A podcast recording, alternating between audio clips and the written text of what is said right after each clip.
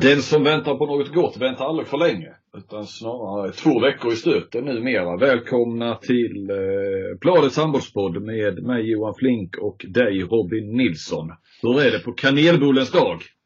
Det har inte blivit någon kanelbulle än, men det kommer att bli så fort vi är färdiga med den här inspelningen. Eh, en riktig sån här, det ska inte vara de här små torra, de ska ju vara lite eh, inte de här äkta kanelbullarna, inte så goda. De här eh, större med mer frosting på. Det är de man ska ha. Lite amerikanskt nästan va? Ja. Alltså just här st storleken tänker jag på. Ja. Extra mycket, det ska vara extra onyttigt. Då kan vi lugna er med att vi alltså inte spelar in mitt i natten så att eh, Robin han har gått och suktat en, en hel eh, dag efter, kanel, efter en kanelbulle och sen ska sätta sig i den eh, strax efter ett på natten. Utan det är mitt på dagen, klockan är 12, torsdag, om vi ska sätta in er i kronologin. Och båda är på hemmaplan va? Definitivt. Skönt. Hemma i Helsingborg och Kristianstad. Hur går det med Ekosund? Eh, det, det är premiär på söndag. Jag läste Eh, någon tweet. Ja, rejäl sund. Eh, hett emot sett. Eh, försöker få hela klubben på plats. Och, eh, nej, men där har eventgruppen och marknadssektionen jobbat hårt. Själv ska jag faktiskt gå på eh, eh, Olympia. Det är seriefinal Helsingborg-Falkenberg. Typ exakt samtidigt, vilket är lite otur. Vi hade lite, vi försökte få HIF att flytta sin match. Det gick inte. Vi försökte flytta eh, IK Sunds match. Men eh, ja, det hade kanske gått, men inte till vilket pris som helst. Att, eh, ja, vi utmanar HIF på eh, söndag helt enkelt. Ja, du jobbar hårt för det här. Jag har ju dig eh, eh, varje gång du skriver en tweet eller retweetar något så får jag en liten notis i min telefon och det är ett jäkla plingande med retweets från IK Sunds konto. Så jag känner mig extremt eh, påläst och insatt i, eh, nästan engagerad i vad, vad som händer kring IK Sund. Härligt. Det ska ni alla vara, ni som lyssnar. Eh, så jäkla mycket retweetande från IK Sund är det nog inte. Jag tror det var första gången på Minst veckan. en om dagen alltså. Nej, det är en i veckan möjligen. Ja, vi får kolla det.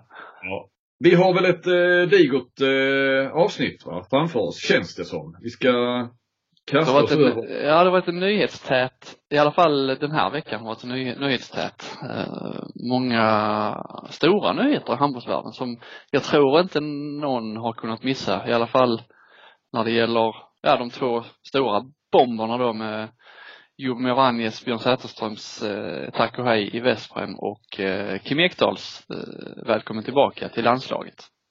Precis, och eh, det var ju i måndags det brakade loss där. Och eh, nu har det gått några dagar. Eh, så att vi är ju inte etta på den bollen om man säger. Där får ju våra kusiner, eller vad, vad vi nu ska, nästkusiner är det kanske bara, i avkastpodden. De, de hade ju bättre timing så sett ju. Fick eh, Vranjes beskedet live i avsnittet. Ja, det, det blir man lite avundsjuk på. Men eh, förhoppningsvis har vi ju fått några dagar att tänka till utan att vi eh, har någon djupare analys av det. Men det är väl precis som de diskuterade lite kittlande var, var Branjes hamnar. Än så länge om vi har förstått rätt så är han ju fortfarande ungersk förbundskapten. Mm. Eh, Jag har ju sökt honom. Jag ringde honom direkt där när jag fick, eller rättare sagt, när det kom satt jag faktiskt med Kim Ekdahl eh, intervju. Alltså jag hade honom i luren. Mm. Eh, när det med Vranjes kom. Eh, sen så när vi var klara så ringde jag Vranjes och eh, all, all heder trots allt att det precis hade kommit ut och han nog var rätt så stressad så svarade han faktiskt. Sen kunde han ju i princip inte säga någonting för att de, det var, de höll på med advokater hit och dit. Och jag känner igen det där lite att jag vet att Ola Lindgren också var väldigt försiktig när han fick sparken för Reine Eckerlöven. Det gäller att inte säga för mycket som kan vändas emot dem i en eh, sen förhandling. För det, det slutar ju alltid med en förhandling kring eh, återstående kontrakt och pengar och sånt. Och då Ja. finns risk att man säger för mycket så kan klubben utnyttja det och så på något vis blir det något avdrag någonstans. Det är som eh, man grips i USA, you have the right, right to remain silent. Everything you say can and will be used against you. Du har sett mycket filmer? Ja. Ja.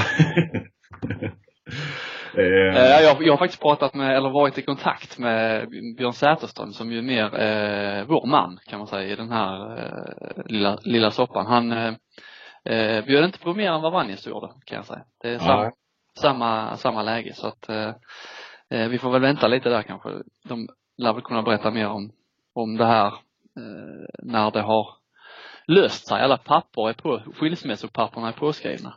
Exakt.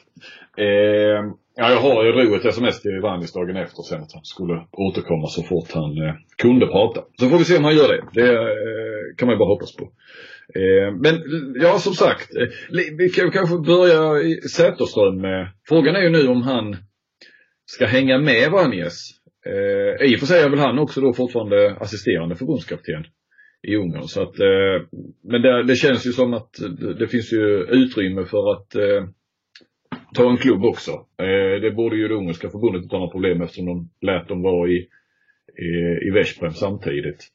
Eh, som, som de då var i landslaget. Men för, för när jag var nere och träffade Vanjes och även eh, Björn var ju också med då när, eh, faktiskt vid intervjun. Även om det blev fullt fokus på Vanjes när jag sen skrev den så var ju Vanjes inne på, eller de, att han, de ville bygga team med början där nere med målvaktstränare och de här båda och, och medicinskt där som man sen tog med.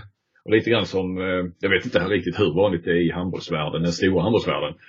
Eh, men vi har ju sett ofta i fotbollen att eh, flyttar Guardiola så tar han med ett helt team.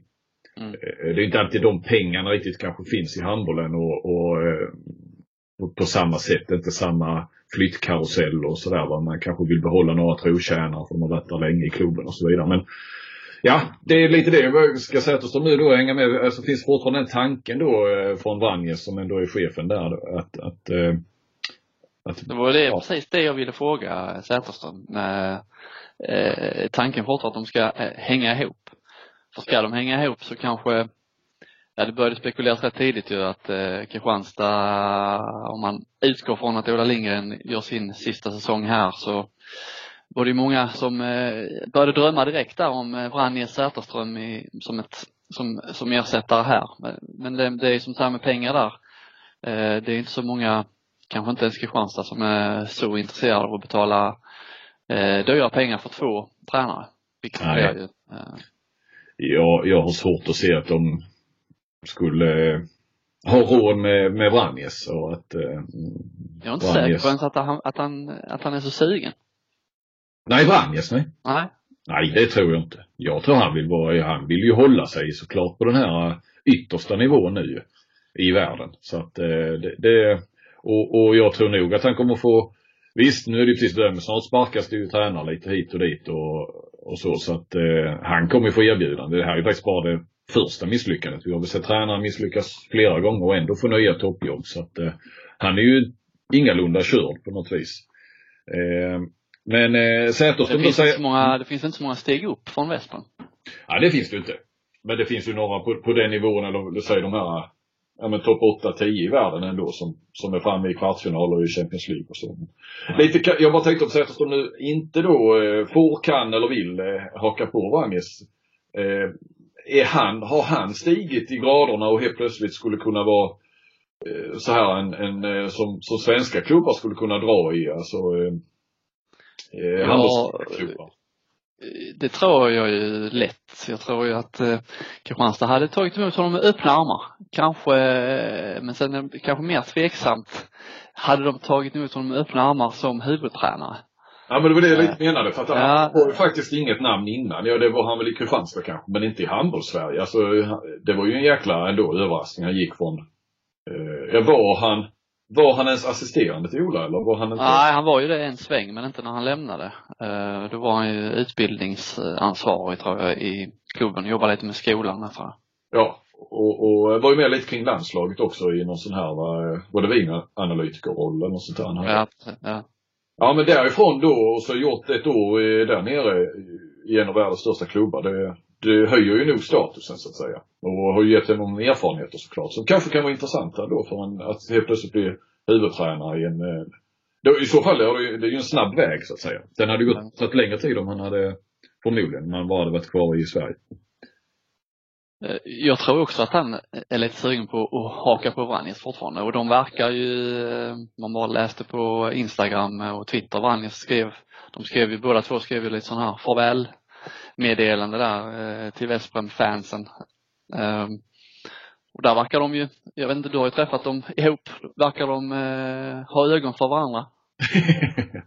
eh, jo då, jo då. Eh, det... Skrev ju där, eh, Säterström, ett extra tack, du är en, en stjärna. Ja, ja, okej. Okay. Ja, det, Finns, de, finns det möjlighet att bilda par fortsättningsvis så tror jag att de kommer göra det. Och då är det väl inte så mycket som talar för att det blir på svensk mark. Nej, precis. Nej, men det tror jag nog att de har funnit varandra. De har ju umgåtts mycket i och med att de har pendlat i princip varje dag, en timme enkel resa. Så har de ju suttit i samma bil. Eh, från eh, Budapest till, till Veszprem och, och ligger de kvar någon, eh, någon natt så gör de ju det på, på det hotellet jag var och träffade dem. Eh, tror inte de delar om men eh, ja. Eh, men, vibrerar det i bakgrunden? Ja det gör det ja. Eh, stängde vi av. Nej, han var ett okänt nummer. Jag känner inte igen numret.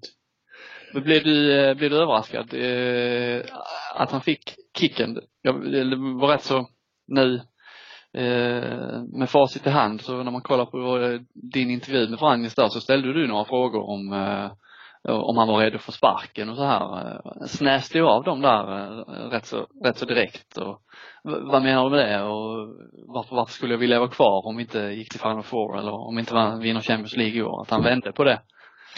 Det gjorde han ju. Och jag tror han gjorde det kanske till och med ytterligare någon mer gång än vad jag skrev ut. Det jag vet inte, kommer inte ihåg nu, jag har inte intervjun framför mig, men det var också i samband med ungerska landslaget och Ja, det var kanske där han då. Ja, han sa det flera gånger just det här. Alltså han ville någonstans att, eh, jag vet inte, jämställa sig med klubb, eller lite sådär. Det är ändå vanligare att man får sparken än att man själv slutar så att säga. Alltså i förtid om man säger, innan kontraktet går ut. Men eh, det kändes som att han hade så mycket stort självförtroende, eller inte självförtroende, men att han kände att eh, förtroendet från klubben var så stort att det var inget, det skulle i så fall vara mer aktuellt att han lämnade än att han skulle få sparken.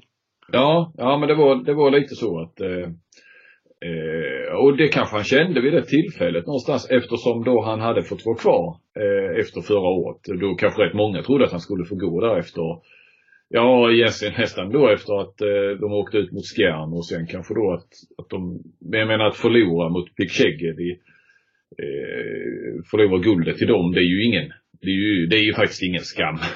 Eh, Pickshegedi det är ju, det är ju liksom alltid nästan i kvartsfinal i, i Champions League så att eh, och de hade väl en del skador där såklart. Så det, det fanns väl vissa orsaker. Men ändå sammantaget var det ju ändå en misslyckad säsong får man lov att säga med Veszprem mått mätt. Det har vi väl pratat om.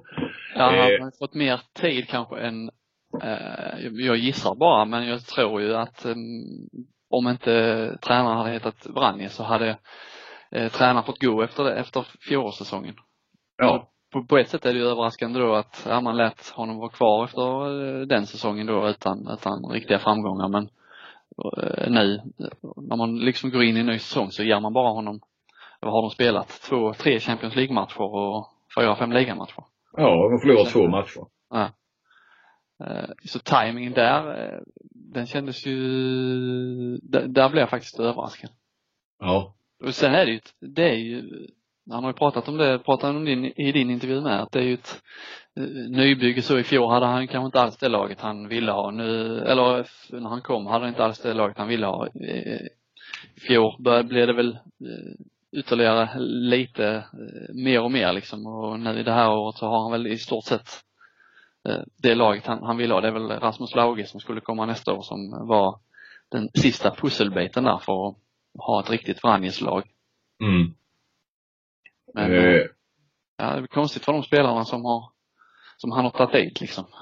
Som ju är Vranjes spelare i mångt och mycket. Som ja, ja visst, visst eh, Lauge som ska komma då till nästa år. Men å andra sidan när Lauge skrev på, det var ju ett tag sedan han skrev på, så det, det, är klart att det fanns i hans bild att det är inte säkert att Wranges är kvar eh, i, en sån, i en sån klubb. Så. Eh, men men, det, nej, det är lite nyckfullt. Det känns lite som att den här, eh, även om det var efter en förlust och eh, eh att det var lite den här, vad det nu är, ordförande, klubbdirektören och vem det nu är då. Jag har inte riktigt koll på hierarkin där. Som ändå tagit beslutet. Att det var lite på känsla kanske. Lite så här, temperament och så. Nej, nu får vi göra någonting. Ja, men jag läste att, eh, jag läste någon makedonsk sajt tror jag det var som skrev att eh, efter förlusten mot Vardar så eh, Westström-supportrarna ville ju, ville attackera Vranjes där efter matchen så han fick ju ha, gå med vakter där. Ja, okej. Okay. Och är det på det viset så så eh, jag såg bäst om de hade skrivit på sin ung, där, när man går in på deras hemsida så eh, kan man få en engelsk variant och en uh, ungersk variant. Och på den ungerska varianten så hade de skrivit ett eh, långt brev till fansen då och vädjade om eh, förståelse och att de skulle hålla ihop och sluta bete sig dåligt på läktarna och sjunga eh, nidvisor och så här. Men på den engelska versionen fanns inte det brevet. Nej. Eh, jag vet inte vad de, vad de har skrikit fansen eller hur, hur, hur stor kritiken har varit mot Vranjes men eh, de, är, de är ju en stor skara supportrar. Jag gissar att det kan ju ha påverkat eh, klubbledningen också. Ja. Eh, han eh, för övrigt fick ju det var inte bara Zetterström och Vranjes utan även eh, han Eklemovic, alltså någon slags sportchef, fick ju också gå ju. Mm. Så eh, och det är ju ingen ersättare än så länge vad vi har sett ju. På plats. Så det är inte så heller att de hade förberett en, ett, som de tyckte, kanske då bättre namn eller så i dagsläget. Utan det viktigaste verkar vara att de skulle få gå. Precis. Ola Lindgren var ju eh, typ på arbetsintervjuer va, 2016? Ja, det var han. Jajamän. Där vintern 2015, 2016 ja. Det är väl inget eh, jättelångskott och eh, om man gissar på att den, om de inte är trötta på svenska tränarna vill säga. Nej. Någon slags eh, koll där. Jag fick ju intrycket av att det var eh, att det var en del av de äldre spelarna som eh, inte ville ha Ola därför att han var tydlig med att eh, då, blir det, då blir det tuffa träningar ungefär. Och det gör vi ju Vranjes också. Alltså han, ja, sen, varför det så gick det några år sen fick de ändå in en svensk tränare som, som ställer högre krav på dem. Så att, och han har ju rensat ut lite grann Vranjes. Så nu är det uppenbarligen, är det ju inte de här äldre spelarna som styr i Veszprem längre. Så att eh, det kan ju, det kan ju öppna för Ola Lindgren. Mm. Eh, man får väl ändå lov att säga, om vi ja, fortsätter det spåret. Alltså man tänker Ola Lindgrens eh, situation i Kristianstad eh, som då, eh, där kontraktet går ut. Alltså bara, och, och, jag menar det blir ju inte det här, den här Champions League eh, kommer ju gå, det kommer, de kommer inte gå vidare, det kan vi ju slå fast faktiskt. Eh, de kommer inte överträffa fjolåret. Det känns ju som han, vad ska han göra mer i IFK? Nej, eh, det finns inte så mycket mer att göra. Men resultatmässigt, alltså, ja, det är klart, vinna ett guld till då.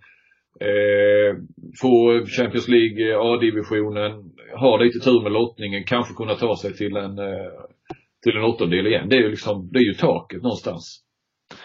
Ja, och samtidigt tror jag att eh, time, där är ju den här klausulen som vi har pratat om eh, i kontraktet med Kristianstad. Eh, ska, har han inget liksom annat på gång när den då går ut, och brukar vara i februari, mars någon gång, man måste ta ett beslut där.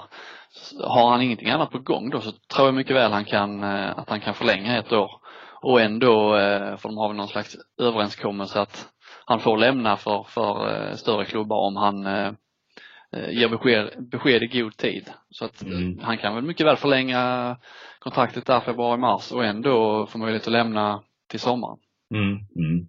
Ja, men så men kan det bli. Timingen, timingen nu med Vesprem är ju egentligen optimal. Ja. Fast de kanske vill ha honom direkt i och för sig, i så fall. Ja, ja, precis. Så, eh, ja, nej. Det kan vara svårare att vara pappaledig i Vesprem också kanske, få igenom den. Det lär det väl vara. Mm. Det blir ännu längre till eh, Karlskoga med. Ja. Um, Annars är väl Ola Lindgren, eh, du var ju upptäckte det, upptäckte, men du eh, noterade, han är väl den enda, den enda riktiga, ja vi har väl Magnus Andersson också, men eh, Bengan Boys, av de här gamla Bengan Boys legendarerna så, så är det inte så många kvar i, i med prestigefulla uppdrag va? Nej, det, vi kan nästan gå hela vägen. Det går lite tyngre för eh, Benjamin. alltså de kändes ju så jäkla heta för, eh, ja men för några år sedan. Eh, jag menar Staffan och Ola var ju förbundskapten och går jag så långt tillbaka som då Ola var i Rein Eckerlöven och ja, nu kastas vi mellan åren här men om vi ändå drar ihop det lite grann. Va? Staffan var i PSG i några år nu. Eh, Magnus Andersson var ju ändå i, i, ja han hade ju det här AG Köpenhamn och sen hade han Göppingen. Eh, som ändå var en, på övre halvan så han nästan lite utmanare till de absoluta topplagen i Bundesliga. Eh, men vi kan ju, Wislander var ju ändå, han har ju fått en mycket mindre roll i, i RIK. Syns ju inte alls där. Eh, Carlén har varit i, i Flensburg och det är ju bra många år sedan nu, det är ju tio år sedan nästan. Du hade Vranjes då som var i Flensburg. Och sen var ju ändå Carlén, han, Israel var förbundskapten, han var i danska ligan. Nu är han, jobbar han med OV beachhandboll. Eh, Johan Pettersson var ju i tränarsvängen. Nu eh, gör han ju allt möjligt annat har jag förstått. Eh, Magnus Andersson är nere i Portugal. Eh, Robert Hedin var ju norsk i Norge nu. Var är han är nu? USA. Där han i och för sig eh, har väl, oh, nu vet jag inte riktigt, jag är inte uppdaterad, men det gick ju bra i början där i varje fall. Eh, vet inte om det handlade om Ja, jag blir lite osäker på Men det är inte på den allra hetaste handbollsmarknaden i alla fall. Kan man säga. Nej, det är det ju inte va. Du hade Patrik Liljestrand var ju nere i, i Tyskland. Eh, du hade Robert Andersson som gjorde ju faktiskt riktigt bra med, med ett bottenlag och höll, tog väl upp dem och höll dem kvar eller hur det nu var, Erlangen där. Mm. Eh, nu är han i Karlskrona, ett bottenlag i, i svenska ligan. Eh, ja, men Staffan är utan eh, jobb. Eh, Sen har ju Gensel och Löfgren valt andra banor i och för sig på, på en hög nivå men inte tränarmässigt. Eh, Så det, Thomas Iversson var förbundskapten på, för damerna. Eh, har faktiskt rätt dålig koll på var, var han är nu. Eh, var det något sånt som fladdrar förbi huvudet? Han är väl i, eh, tränar han inte damer? Han tränar damer, ja det gör han nog ja. Ja. Eh, Hallbäck är ju i och för sig är ju, Ystad är ju bättre än Aranäs men Ystad IF just nu äh, går ju inte jättebra nej. Jättebra nej. Så att, äh, nej men så kan man ju, nej så de är inte, och det känns lite så här nu om man börjar titta fram mot äh, Christian Andersson som eh, väl då slutar, eh, målet är ju ett OS i Tokyo om knappt två år. Och sen så ska han ju vara i Rhein-Neckarlöven eh, på heltid efter det. Eh, man, titta, så man kan ju börja fundera lite på, på nästa förbundskapten och där har väl alltid eh, kandidat 1, 2 och 3 varit någon på Benga Boys, alltså Staffan Olsson, Magnus Andersson, eh, eller Staffan Olsson var ju det, förlåt, men jag menar Vranjes, Magnus Andersson. Mm. Eh, och vi vet Vranjes eh, mål och dröm att träna. Och jag vet ett avkast på den här, nu, nu sårar jag mycket, jag ska släppa in snart Robin, men ta det i mål här bara att eh, de var inne på att ja, det är perfekt nu för honom att ta över efter Christian Andersson. Men jag menar vi snackar ju nästan två år innan man ska ta över efter honom i så fall. Eh, det tror jag inte Vannis vill gå och vänta på eller på något vis skriva något förhandskontrakt på det. Nej, det är väl kanske mer om att nästa klubb han eh, tar, eh, att han ska ha möjlighet att eh, ta ett landslag också. Så att det inte blir som med Flensburg där att de, att de stoppar honom från, från det. Nej, nej precis. Det kan man ju, sådana samtal kan man ju föra Förbundet kan väl föra samtal med, med honom redan nu om, eh, om, om eh, att ta över efter OS. Ja, ja. Det, det är det inte, men han lär inte ta över innan dess. Nej, det tror jag inte och han vill ju nog ha något annat jobb i så fall ju så att, eh, men visst, det, så kan man göra ju. Men det är ju inte givet att det är Vannis tror jag utan de, alltså jag tror också att succén som som Christian Andersson så ska vi inte bunka ihop hela alla Bengan Boys och påstå att alla är likadana. Absolut inte men eh, någonstans har ändå Anderssons succé gjort kanske ändå att eh, förbundet har vidgat vyerna lite. Det gjorde de ju redan genom att ta honom då. Men att, ja, eller liksom, ska man säga, konstigt ord, fått en acceptans i svensk handboll att eh, man kan ta de här lite överraskande namnen. Det behöver inte vara de givna gamla storspelarna. Mm. Sen är det lite beroende på med vad de får för deal nu, de advokaterna i Veszprem. Lindgren, ja. Eh, han satt ju av, eh, han satt ju bara och väntade på eh, pengarna där från när han fick kicken från Rein Eckerlöven. För kanske att det inte dök upp något uppdrag som är lika lukrativt. Så att det är möjligt Vranjes, jag vet inte hur långt kontrakt, har inte kollat hur långt kontrakt han hade med Vespa men det tickar ju in, borde ju ticka in rätt mycket pengar i månaden när man får får sparken. Ja, han har ju två år kvar. Han skrev väl ett treårskontrakt tror jag så att det har ju gått ett, lite drygt ett år ju. Mm.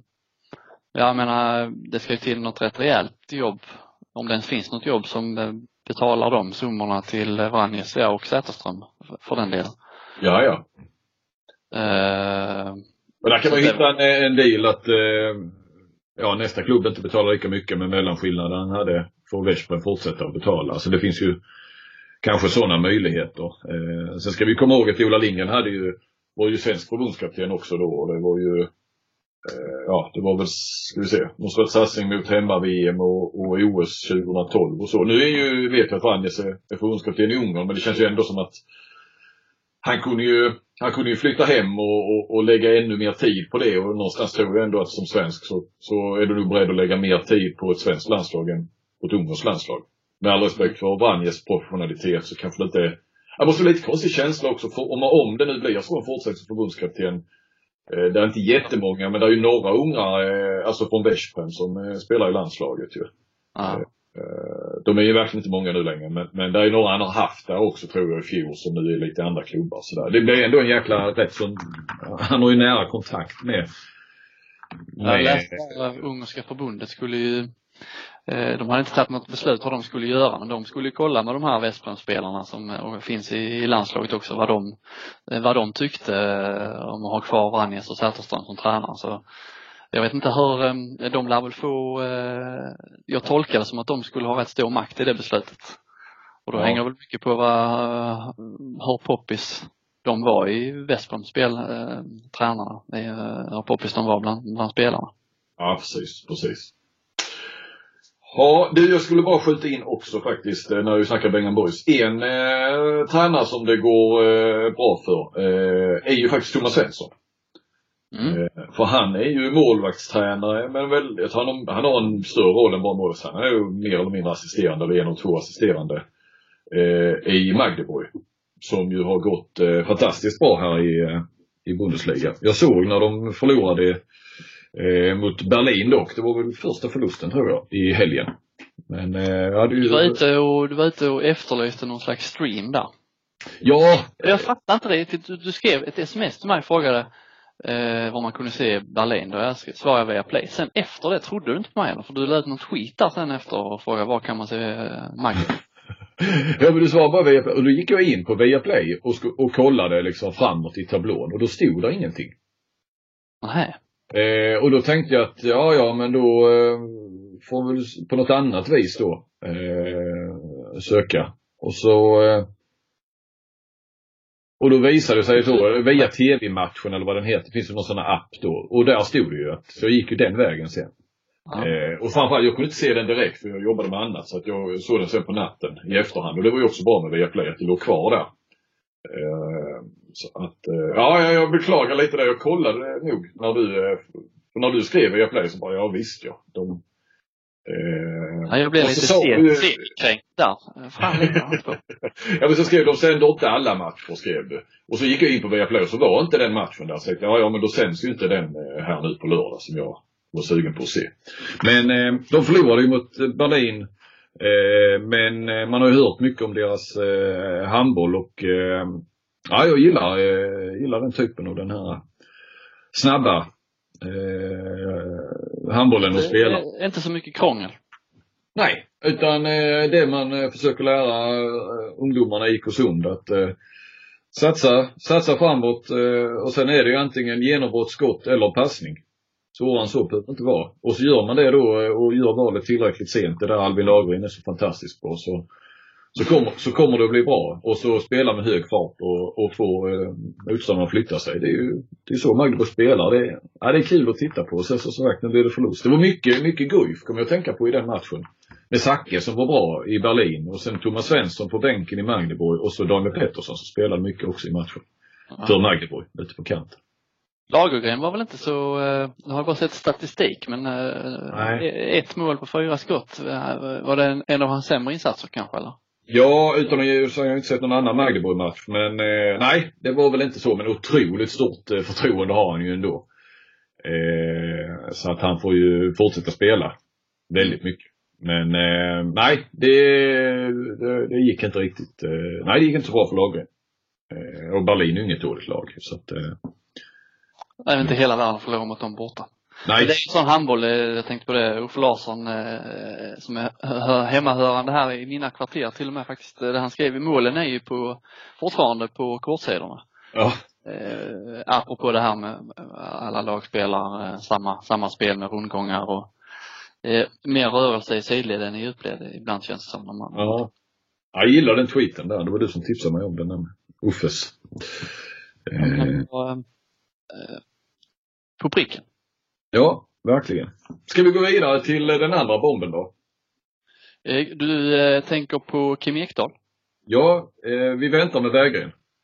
Ja, eh. Kim Ekdahl är väl, eh, med all respekt för Berggren så var väl det här eh, större, fick i alla fall större utrymme i, eh, i medierna. Stora eh, toppade Aftonbladet till och med va? Eller. Sportbladets sida i alla fall.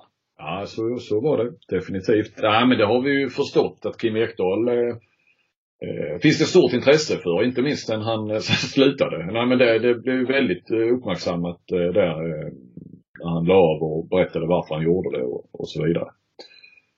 Pratade om honom förra, eller förra, förra podden med, just det här att folk kanske känner sig lite besvikna att man, att han nu fortsätter och är tillbaka igen. Du tog upp, var inne på det lite när du pratade med honom också men eh, Mm. Eh, det kan han ju skita i. Och han frågade om han inte på något sätt växer ändå eh, i och med det här liksom att det, ja, det är kul. Ja, det är prestigelöst att faktiskt Ja. först gå ut med det, rätt så med buller och bång kan man ju ändå säga och verkligen inte hymla om varför man slutar och trött man är på handboll. Och sen ändå liksom någonstans, och han vet hur mycket uppmärksamhet och hyllat det beslutet blev. Och sen någonstans kanske nästan svälja stoltheten och, och, och komma tillbaka och, och landslaget också. Ja, jag, jag trodde ju inte att han skulle komma tillbaka. Det visade sig att det, där hade han ju börjat fundera på redan i mars. Och att han var och hälsade på dem i, eh, jag träffade ju honom på EM. Eh, I Zagreb där. I eh, finalhelgen var det väl Mm. som han var där. Eh, och eh, så visade det sig nu då när jag pratade med honom att han hade ju, ja han var, skulle förbi på spelarhotellet och snacka lite och säga hej och sådär. Så slutade med att han hängde mycket där. Eh, den Ja, alltså på, på ett sätt, det slog ner lite som en bomb men om man tänker, Eh, alltså om man egentligen inte tänker lite på det så helt jävla eh, otroligt har, har du, alltså det är ju rätt logiskt om man, om man tänker på det. Det är bara att man inte har tänkt på det. Eh, men, men med facit i hand så, så känns det ju, ja nu tycker han handboll är kul igen. Varför skulle han inte tycka att landslaget är kul nu med tanke på den eh, allt, ny, allt nytt som, och allt positivt och alla eh, liksom glada tillrop som det landslaget har fått. De har kul det och, och vara med där. Och Ja, ja. Och har hängt med dem där nere. Alltså det, är- ja. eh, Varför inte egentligen? Eh, nej, absolut. Och sen tror jag också, eller två saker i perspektiv också.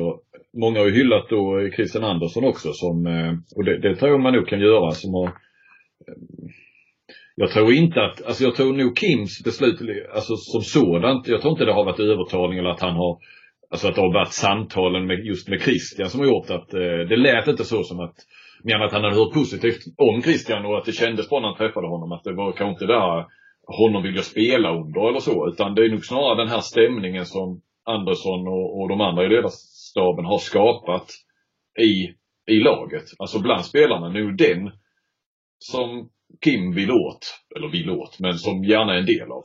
Mm. Eh, så att indirekt då är ju hans, hans ledarskap på något vis. Eh, eh, och sen är det ju, de är ju faktiskt rätt många i hans, det är ju mycket hans generation ändå ju. Eh, man tycker många har slutat och eh, sen han var med, det har gått snart fyra år, snart fem år sedan han slutade. Men sen är det ju ändå, det är ju fortfarande Ekberg och Stycket och och sen har han ju då Rein Eckerlöven-gänget som flera år och det visar sig att Appelgren verkar väl också haft en roll där lite grann kanske. I, i, och, och det är ju en skön, så det kanske är Appelgren också som ska hyllas i detta som någonstans eh, Det finns alltid eh, anledning att hylla Mikael Appelgren. Ja, ja men det är ju en skön snubbe och, och Kim alltså hos honom i, i tre månader. Ja. Eh, nu i våras. när Han gjorde comeback. Mm. Annars tänkte jag på det här med, såg du presskonferensen när de eh, presenterade trupperna? Nej, jag eh, hade intervjuer bokade med MFF-spelare och ledare då. Ja, nej. Det var ju mycket glada, eller bara glada tillrop efter det här beskedet. Men det, det fanns faktiskt en, en, den person som verkade minst upphetsad eller eh, glad över att Kim Ekdahl var tillbaka. Det var faktiskt eh, Christian Andersson. Han höll ju en, han hade en märklig, märklig, höll en märkligt låg profil på den där presskonferensen. De hade ju presenterat ju truppen där väldigt eh, drama, dramaturgiskt eh, väl genomfört eh, den där presentationen. Då hade de ju där de körde position för position och på vänsternio så presenterade de Lukas Nilsson, Simon Jeppsson, Filip Henningsson och sen gick de vidare. Ja, ja. Så man liksom, det var inte så, där Ja, då var, var det ju fullt på vänsterlinjen kände ja, tre spelare fullt. Det var inte så att man saknade någon. Så då satt man ju där och nej, det blir ingen, det blir ingen bomb. Eh, Men sen när det var färdigt då så var det ju 15 man och så, ja, så sa ju Wander där, eh, handbollsstyrken, att de hade, ja då har vi plats till en till. Och så kom det ju den här eh, snofsiga videon då. Ja, den har jag sett. Mm. Mm. Och Wander då ville, ville försöka få ur eh, Christian Andersson och ja, vad sa du Christian? Det kändes som han muttrade liksom bara, ja det gjordes ju ingen video på de andra spelarna. Eh, inte alls särskilt eh, exalterad eller ens glad. Han gick, han ty- tyckte såklart att det var kul så men han, eh, jag fick direkt när jag såg det så fick jag känslan av den här eh, eh, Erik Hamrén då, du vet när han, när Zlatan gjorde fyra mål på en Ja, ja, ja. Mm. Löjligt att hålla på med det. Ett lag så är det elva spelare. Elva spelare som jobbar hårt för varandra. En spelare kan inte göra någonting, men han är ju en världsspelare och det visar han här idag. Han gör fyra mål. Men han kan inte, han kan inte göra det ensam. Nej, det är nästan så vi tror det. Ja, okej. Det var en magisk Det är afton. dålig respekt mot de andra där ute på plan. Nej, men det vill vi inte ha. Det måste jag tycka. Det var, det var en Det är magisk... riktigt dålig respekt mot de andra som jobbar där ute på plan. Nej, men vi, vi tyckte det var en fantastisk uppvisning av honom. Det, det Jag håller med. Det är världsklass. Men de andra gör ett jävla jobb de också. Hey, I'm Ryan Reynolds. At Mint Mobile, we like to do the opposite of what Big Wireless does. They charge you a lot, we charge you a little. So naturally, when they announced they'd be raising their prices due to inflation, we decided to deflate our prices due to not hating you. That's right. We're cutting the price of Mint Unlimited from $30 a month to just $15 a month. Give it a try at mintmobile.com slash switch. $45 upfront for three months plus taxes and fees. Promo rate for new customers for limited time. Unlimited more than 40 gigabytes per month. Slows. Full terms at mintmobile.com. Fick, exakt den, den känslan fick jag med Andersson att vi har inte gjort någon video eh, med de andra spelarna. Varför ska vi hålla på och stöka så här med, med Kim Ekdahl? Eh, jag vet inte om den går, den går nog inte att se men den, den var, det var, det var en märklig reaktion. Ja, men vad bra uppsnappat där. Riktigt bra Robin. Och bra parallell med Hamrén. Jag förstår precis där. Det var nog det han kanske kände. Och ska man Han, se... han, han vill liksom Ja. inte ge en spelare så mycket uppmärksamhet. Han är ju också den här oh, lagbyggaren och alla ska, alla är lika, lika mycket värda och eh, vi kunde väl gjort en video på alla spelarna i så fall. Om, vi, Mm. ska, om vi ska hålla på så här. Men jag tror inte Wander har tid, tid med det. Dra ner och göra en... Ja, men kul att se honom komma till Kristianstad och göra det med Henningsson. Uh, Henningsson berättar varför han ställer upp i landslaget. Ja. Eh, men, men, eh, SVT var det som avslöjade det här. ja precis. Utan Bayline med noterade jag. Ja, det var lite störigt faktiskt. Eh, Man hade velat credda någon där, om det var, kanske inte var, ja, Brännholm var väl inblandad fick jag en, eh, fick man en uppfattning av där Twitter, men eh, det hade, hade man, hade jag jobbat på SVT och skrivit den texten så hade jag ju gärna velat ha min. Ja, Det ska man inte sticka under stol med. Nej, men undrar då om den bilen hade varit känslig på något vis. Hade den avslöjat något, någonstans eh, källa, vägen? Nej, jag vet inte. SVT har väl ingen sån? Ja, ja, vi, vi, ska vi absolut inte spekulera. Kanske, de kanske, om man tänker rent, eh, vi ska inte in och rota i källor, men är det inte, hade det inte varit smart av eh, landslaget att skicka ut en liten eh, en påa till, till något. Det kanske man borde ha gjort i Aftonbladet i så fall, men för att liksom eh, lite Ja. intresse kring den här presskonferensen. Så, så eh, tanken har slagit mig du. Men jag har inte velat eh, torgföra den för att det kanske skulle vara en anklagelse mot... Eh, ja, det, skulle, det skulle låta bittert också att jag då inte, eller vi inte fick det. Så att, eh, det och det vill jag absolut inte vara för. Då torgför jag den. eh, Ja, Hade det jag, varit, hade jag varit Daniel Wander eller någon annan som sköter, som sköter det där så hade man kanske tänkt lite i de banorna. Det Mm. var väl smart om det nu stämmer. Det är bara Ja. spekulationer. När man såg att det var inget större intresse för presskonferensen, det kan det knappast ha varit innan eh, den. eh, För det kändes som, jaha, det är en trupp eh, ungefär, ja, det kan inte vara några överraskningar i den och så ska de prata lite om EM 2020 och det är inte så jättekittlande, det är om, om ett och ett halvt år eller så. så Det var kanske bara TT och Sveriges Radio då som var ackrediterade till den där presskonferensen. Ja. Så ville de gärna ha dit SVT med. ja, precis, precis. Ja. Ja. Ja, ja, du, du, mm. Du bygger ett litet bygge här nu. Det är inget korthus kanske som trillar ihop. Vi får se. Ja, jag vet inte. Nej då. Tror du att eh, om exempelvis Marcus Alm hade gjort comeback när han var aktiv, hade han fått eh, samma eh, mottagande, samma utrymme i medierna som Ekdal har fått? Nej, det hade han inte. Eh, Visst är det Ekdal, alltså för att som handbollsspelare, han är ju bra eh, världsklass, men han är ju inte, han är ju inte topp 10 eh, spelare i världen. Kanske inte ens topp 20. Kanske Nej. 30. Eller? Ah, fast när han var, eh, kanske inte just nu, men när han, eh, innan han la av där det sista året, när han var som, som bäst och tog ändå, eller tog, det var inte bara han, men han var jävligt viktig när Reine Eckerlöven vann två raka ligaguld där så, eh, Topp 20 vill du ha inom på. ja det skulle jag nog kunna, då ja. Men nu är det ju svårt att säga för han har ju inte spelat så mycket i PSG och där, Nej, skadad och ja, dels, dels att han är skadad och dels att han, eh, det är hyfsad konkurrens där i, i Paris. ja det kan man ju lugnt säga.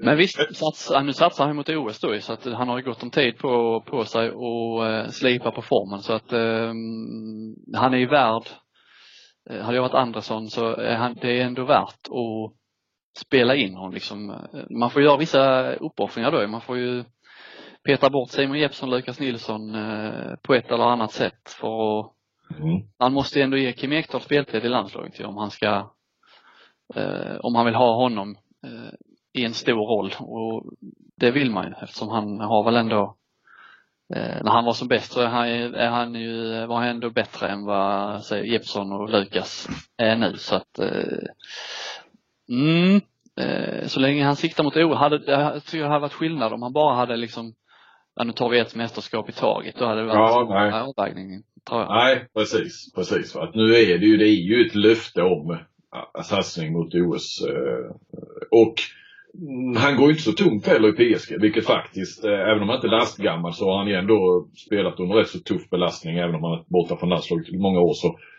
det kan ju faktiskt gynna honom lite grann. Bara han får tillräckligt med matcher så att han har matchtempo och sånt i sig så är det nog inte dumt att han kanske är bättre att han är i PSG än att han är i Bundesliga och spelar nonstop eh, där. För hans eh, kropps skull. För det har ändå varit lite skavanker även om man sen har förstått att det nog inte alltid var. Det hette ju mycket så med landslaget där i början ju att eh, när han var borta en del och så var det lite allt möjligt. Det var knä och, och han var tvungen att vila. Så där, det, var väl, det var väl lusten också lite grann ibland. Mm.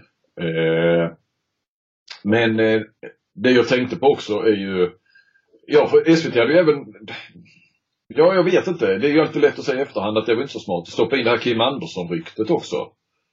Eh, Ja, det jag satt och väntade på det också på presskonferensen. Om vi nu ska hålla oss lite, vi vill ju gärna snacka lite media och sådär också eh, i den här podden så eh, nu var man ju tydlig, det var man tydliga med i artikeln också. Man la det sist där att Kim Andersson, det här att det var mer ett rykte men eh, Ja den är också lite, ja jag vet inte. Alltså de visste ju uppenbarligen det här med Kim Ekdahl. Eh, och det är klart, man, har man då hört rykte om Kim Andersson så kanske man vill eh, De blev lite giriga där. Ja men lite grann för att, och sen så kom Brännholm sen i efterhand då eh, och, och oj vad alla drog på Kim Andersson. Ja men det är väl inte så konstigt ändå om du har, det var liksom två bomber i en artikel. Eh, jag tror att vi hade liksom båda på bild såklart, eh, alltså innan det bekräftades. Så det är ju inte så konstigt. Eh, Kim är ju, Andersson är ju gigantisk. Det hade ju, alltså det hade ju varit en större skräll. Ja, där hade man blivit mer förvånad. Alltså jag blev lite, jag, jag kan säga jag ringde ju, jag sökte ju Kim Ekdahl direkt men jag vet att eh, det var ju lite, har varit samma tidigare där att han, han har ju inte velat, då när jag fick reda på att han skulle sluta till exempel, fick jag skriva den utan hans kommentar. Han, han liksom återkommer överhuvudtaget inte. Eh, och här nu så visste jag nästan att han inte skulle säga något i och med att det var så nära. Men faktum är, det kan jag säga, en anledning till att jag trodde att det stämde med Kim Ekdahl. Eh, för det är alltid lurigt med SVT där med inte någon Baylan så man vet inte riktigt vem, eh, vem som, det är ändå ett tecken på lite vem som har skrivit och hur insatt man är i handbollen och vilka kontakter och källor man kan ha. Inte vilka källor men, men att man har bra källor. Faktum var att jag i en vecka tidigare ungefär drog ett sms till eh, Kim eh, och frågade honom eh, bara att jag ville, ja, jag ville göra en intervju. bara sådär. Se hur fasen det var med honom egentligen. Inte en tanke på landslaget faktiskt, hade jag inte. Nej. Och han hörde inte av sig på, jag tror detta var typ måndagen och sen så hörde jag ingenting. Så på fredagen kom det. Eh, Tjena, du kan ringa på måndag 14.30. Ja, jag tänkte ja, det, men jag slog, tanken slog mig inte ens då. Då hade de ändå gått ut med press, eh, att det var presskonferens. Den slog mig inte förrän eh, SVT kom med sin. Det var kanske dåligt av mig va. Men jag bara tänkte 14 och tänkte, ja, ja men han har väl match i helgen och så måndag så är det träning och sen så vet han att han är på väg Ja. Fan vad, ja, där blev jag besviken på dig. Ja. Presskonferensen är 13.30 och han skrev ring mig på måndag 14.30. Eh, Men det var ju i alla fall så, eh, det tog tid för mig att få ihop det. Det tog en helg där att lägga ihop ett och ett där. Men det gjorde jag ju då med hjälp av SVT. Eh, och sen så när det gällde Kim Andersson så, eh, det var ju efter vi hade lagt ut, eh, ska jag säga, och vi rewritade SVT. Så slog jag en, en pling till Jerry Hallbäck eh, och bara frågade om, eh, om- det låg någonting i. För han borde ju veta ändå om han spelar och en sån här stor grej också, eh, som Kim Andersson. Eh, och, och Jerry, och jag litade på honom där, så han man inte ljög mig rakt upp i ansiktet tänkte jag så, sa han nej, det, nej, ingen aning om detta. Och han menar att det borde han ju veta. Antingen skulle Ja men det är sagt- klassiskt. Han, hade det varit sant så hade han inte sagt det. Men ha, eh, då hade han inte sagt någonting kanske. Men när, om det inte är sant så säger han att det inte är sant. Nej men man får ju en känsla lite grann så, så jag känner honom ganska så bra och vi snackade ändå. Det var inte det att han ville komma ifrån ämnet heller utan vi pratade om det och, och eh, nej det var alltså sen, man kan aldrig veta och, och, och ibland man ska ju aldrig ljuga men, men i efterhand kan man förstå kanske varför folk ljuger ibland och att eh, man liksom blir lite ställd. Mm. Eh, men så så därför var ju känslan att det, nej det hade varit lite konstigt men man kunde inte avfärda det helt heller. Så, så jag vet inte. Eh, om SVT skulle liksom kanske delat upp det ändå lite mer. Men det kvittar. Vi andra som rewritade har ändå slagit ihop det som de flesta gjorde.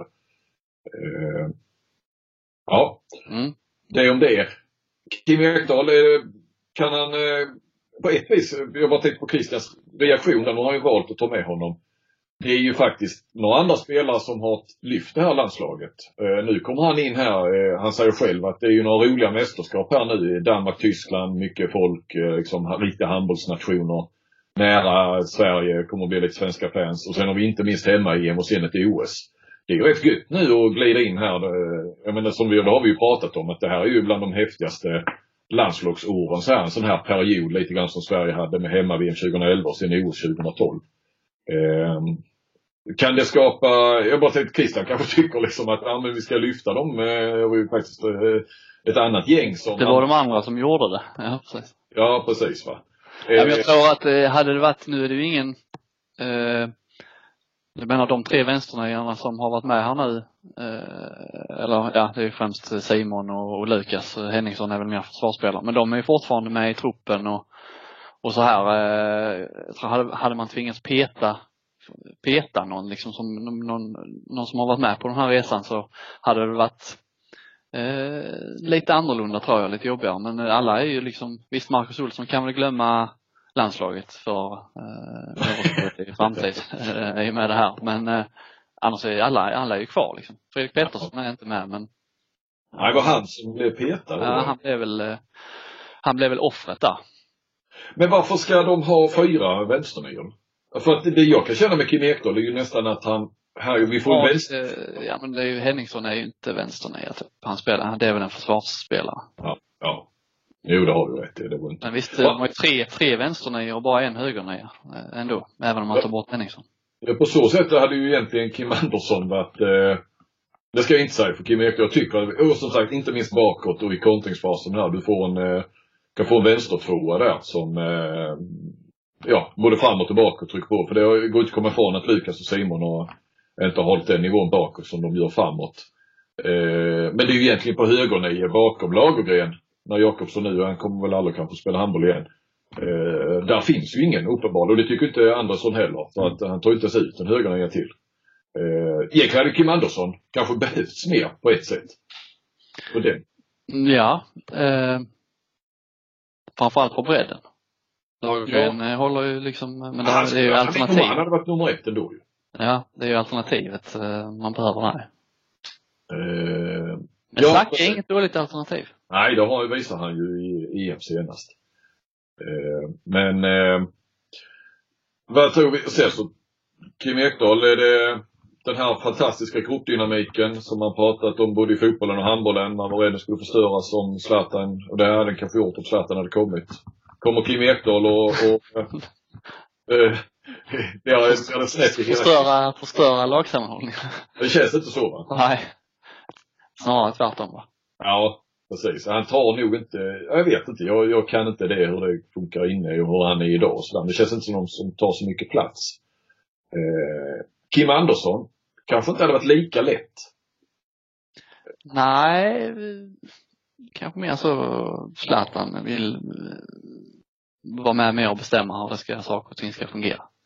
Ja, men lite grann. Alltså, han var ju ändå med hela, det här var han är ju den som varit med längst i landslaget där innan och kan ändå bli lite, ja, men vi gjorde så, så här då och så. Det finns ju, jag menar Ekberg har ju varit med jättelänge och var med i det förra landslaget också så att säga. Men eh, jag säger inte att Kim Andersson är på något vis en så här besvärlig eh, alls så va. Men det är ändå, och de andra kanske liksom nästan har mer respekt för Kim Andersson. Alltså han har en liten annan aura kring sig än vad Kim Ekdahl känns ju mer som en, eh, ja, är du med vad jag menar? Ja, jag är med.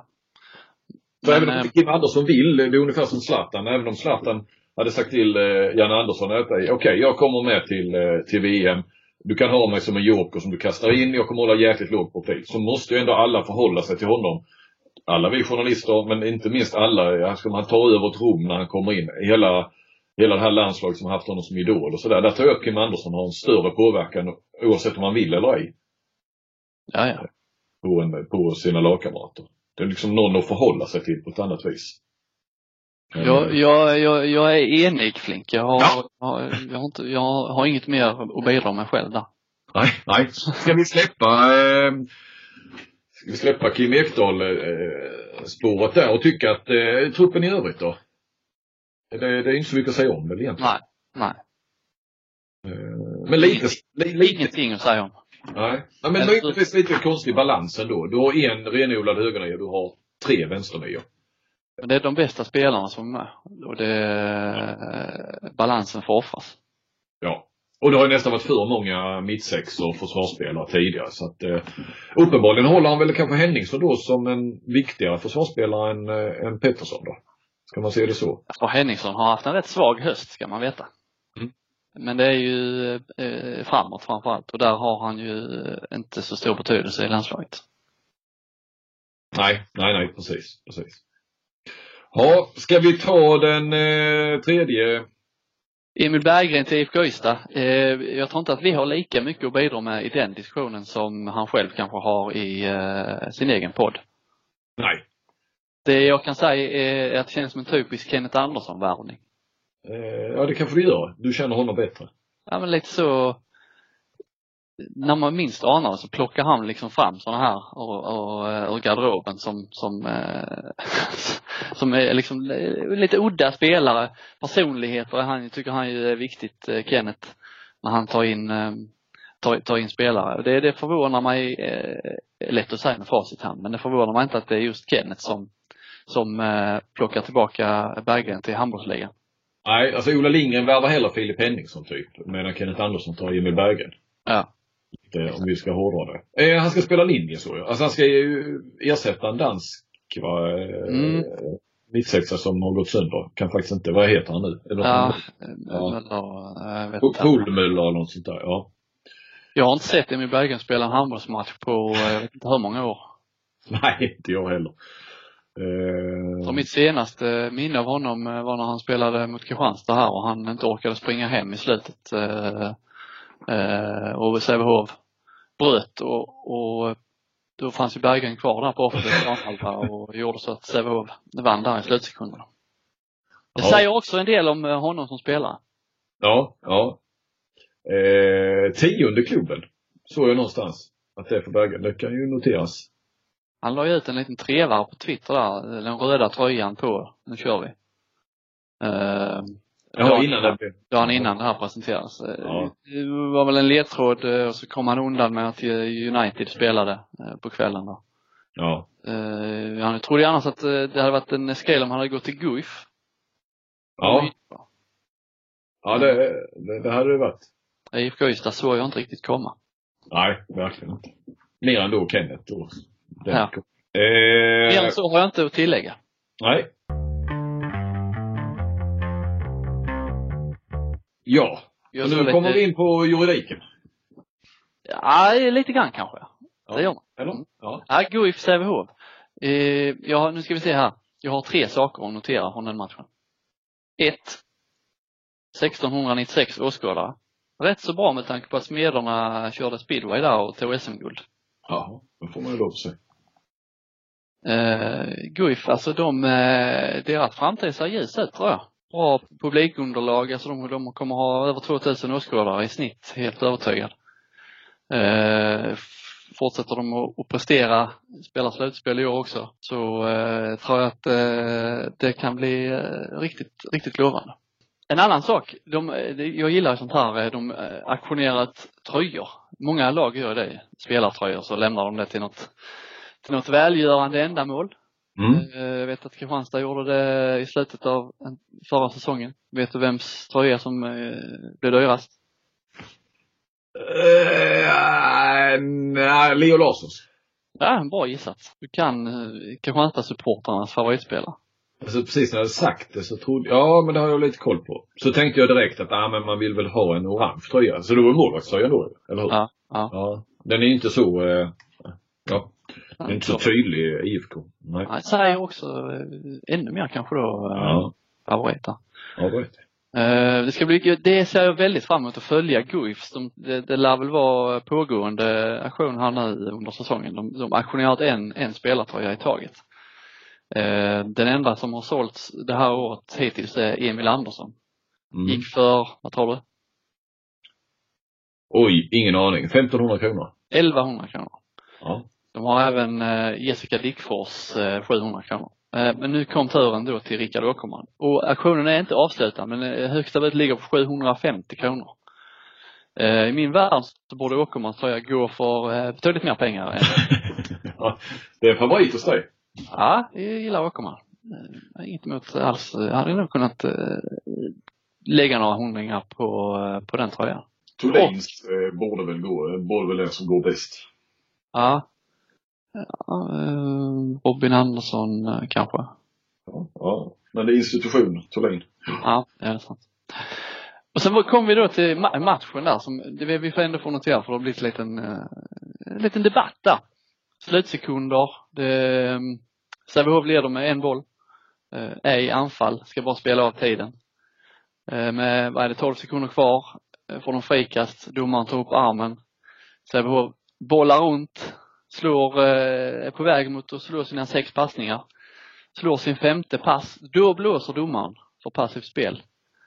Och eh, Guif kontrar in kvitteringen med ett par sekunder kvar.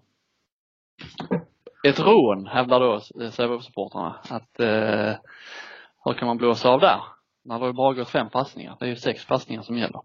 Men det är ju rätt så det var länge sedan jag var inne i en Twitter-debatt. Det var kul. Härligt att det händer lite, händer lite saker. Jag gillar ju det här med att man blåser av, inte är så jäkla eh, fastlåsta vid de här sex passningarna.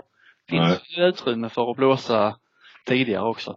Sen blir det ju, det blir ju, jag håller med dem om att det blir konstigt i det här fallet eftersom man ser ju aldrig, inga andra domare blåser efter fem passningar. Alla har ju en, eh, en fast linje på att det är de här sex passningarna som ska gå. Så därför, jag fattar ju fullt ut eh, att Sävehof blir jävligt förvirrade och, och, eh, och upprörda. Men på något sätt, det är ändå rätt. Hopp, Ja, de har väl ett, stöd i, ja, stöd i regelboken. Ja, fortsätt. Ja. Jag hade gärna velat se Mikael Claesson skriva ett blogginlägg om den här situationen. Kanske Mm. är på gång. Eh, ska du förklara varför? Varför han ska skriva eller varför jag tycker så mycket. varför du tycker som du tycker och varför de har stöd i regelboken. Varför Ja, det- jag tycker det, det är för det, det är liksom det här med maska sönder de sista anfallen. Det har man ju sett så man blir irriterad varje gång man ser på TV Ja, men- att de bara låter passningar, passningar gå. Ja, precis. Och Men reg, grej- reg, regeln är korkad från början. Ja, ja, men nu har vi den här sex passningar. Men det är ju så att domaren har ju all rätt att blåsa innan om man är för passiv. Ja. i de här. Så då kan ju blåsa efter tre. Om du börjar slänga den, slänger du bak den till målvakten på, på egen planhalva så kan de väl blåsa efter en. Eller två Ja, passningar. ja, ja. Så, så det är ju bara det. Jag vill bara göra det klart. Ja, och det var ju, de, det var ju ingen som, de här fem passningarna, det var ju inga försök till eh, genombrott eh, eller avslut eller så. Det, var ju liksom eh, bollande så att där har de ju också stöd. Och jag noterade att Thulin, eh, han drog som en avlöning tidigt. Han drog ju efter tre passningar, så där kanske kontriktiv. Eh, Smart, tydligt, tydligt bevis på att han var den smartaste spelaren på planen där i slutet. Ja. Och det var Hade han han som han hade fick han- bollen och satte Coutinho. Ja. ja men hade han haft någon, eh, någon like i eh, Sävehof så hade ju den personen följt med såklart, eh, Thulin och inte riskerat eh, friläge med, med några sekunder kvar. Nej. Men det hade han inte. Nej. Det var det jag hade att notera från den matchen. Som Ja. ja. bara faktiskt var så de sista tio minuterna. Men när vi är inne på eh, domarspåret så hur går det här? Blir du insläppt i domarvärmen? Mm, Claesson har ju lagt ut en eh, omröstning där. Eh, det är domarutbildning.se då där han måste godkänna ett eh, medlemskap. Jag har inte ansökt än för jag vill ju såklart eh, respektera eh, resultatet av omröstningen. du ska känna att du har väljarnas stöd. Ja, exakt. Och det är ändå, slår man ihop, ja självklart han ska få medlemskap då. Och ja, men endast om han gör en seriös satsning på en domarkarriär, vilket vi kan utesluta. Men slår man ihop de två så är det ändå 88 procent i eh, skrivande stund eller pratande stund som har röstat ja. 12 procent har röstat nej. Och vad det är för, eh, I det, det är de du egentligen vill åt. ja vad fan. Vad har jag gjort för att eh, förnärma de här 12 procenten? Kan du gissa, är det någon i Hamburgsfärg du känner som nu kan vara bland de 12 procenten? Ah, jag har väl några kollegor tror jag som mycket väl skulle kunna rösta nej. På ren jävla. Ja, precis. Men, eh, nej men som sagt, ju, vi har ju sett andra människor, eller personer stå och jubla över betydligt lägre valresultat, eller procentsiffror, de senaste veckorna här va. Ja, 88 procent tar jag ju alla dagar i veckan. Ja, precis. Så att, eh, nej du, du, det är nog dags att, att göra, skicka in ansökan. För det tror jag inte hinner ändra sig även när alla valkretsarna är räknade. Så Nej. inte.